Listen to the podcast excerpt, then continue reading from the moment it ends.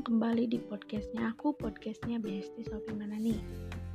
Nah, podcast ini memasuki episode kelima atau episode terakhir dari podcast pembelajaran yang berjudul Tokoh Penjelajah Angkasa Luar.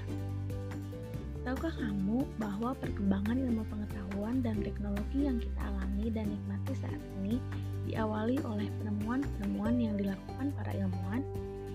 Nah, kamu tentu sudah tahu dan mengerti bahwa untuk melihat benda-benda langit diperlukan sebuah alat yang disebut dengan teleskop.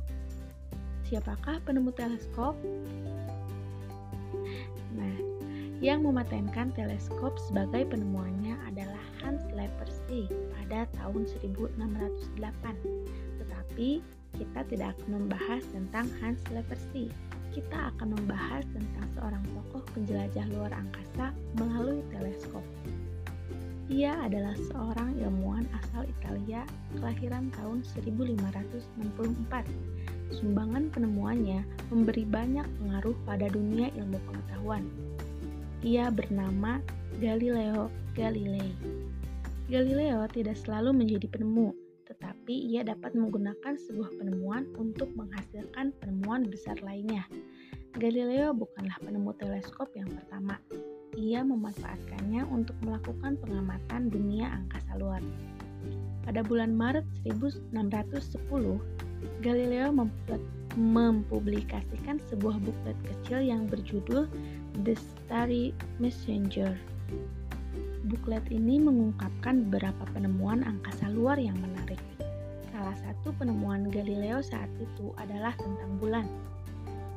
Ia menemukan bahwa permukaan bulan tidak rata dan halus, seperti yang digambarkan dalam puisi-puisi. Nyatanya, bulan dipenuhi kawah dan gunung. Galileo juga menemukan planet-planet lain termasuk Saturnus yang memiliki lingkar seperti cincin. Ia menemukan Venus yang memiliki beberapa fase seperti bulan, lalu bukti bahwa Venus berputar mengelilingi matahari. Ia juga menemukan fakta bahwa Jupiter memiliki satelit sendiri yang tidak berputar mengelilingi melainkan matahari. Penemuan-penemuan Galileo memperkuat teori Kopernikus sebelumnya. Teori Kopernikus menyatakan bahwa bumi bukanlah pusat tata surya, tetapi matahari karena planet-planetlah yang mengelilingi matahari. Nah, jadi Galileo Galilei adalah seorang tokoh penjelajah angkasa luar meskipun tidak pergi ke luar angkasa seperti yang dibayangkan, tapi dia hanya mengamati dengan sebuah alat ciptaan manusia yang berkembang. Nah, kita jadi tahu uh, tentang alam semesta.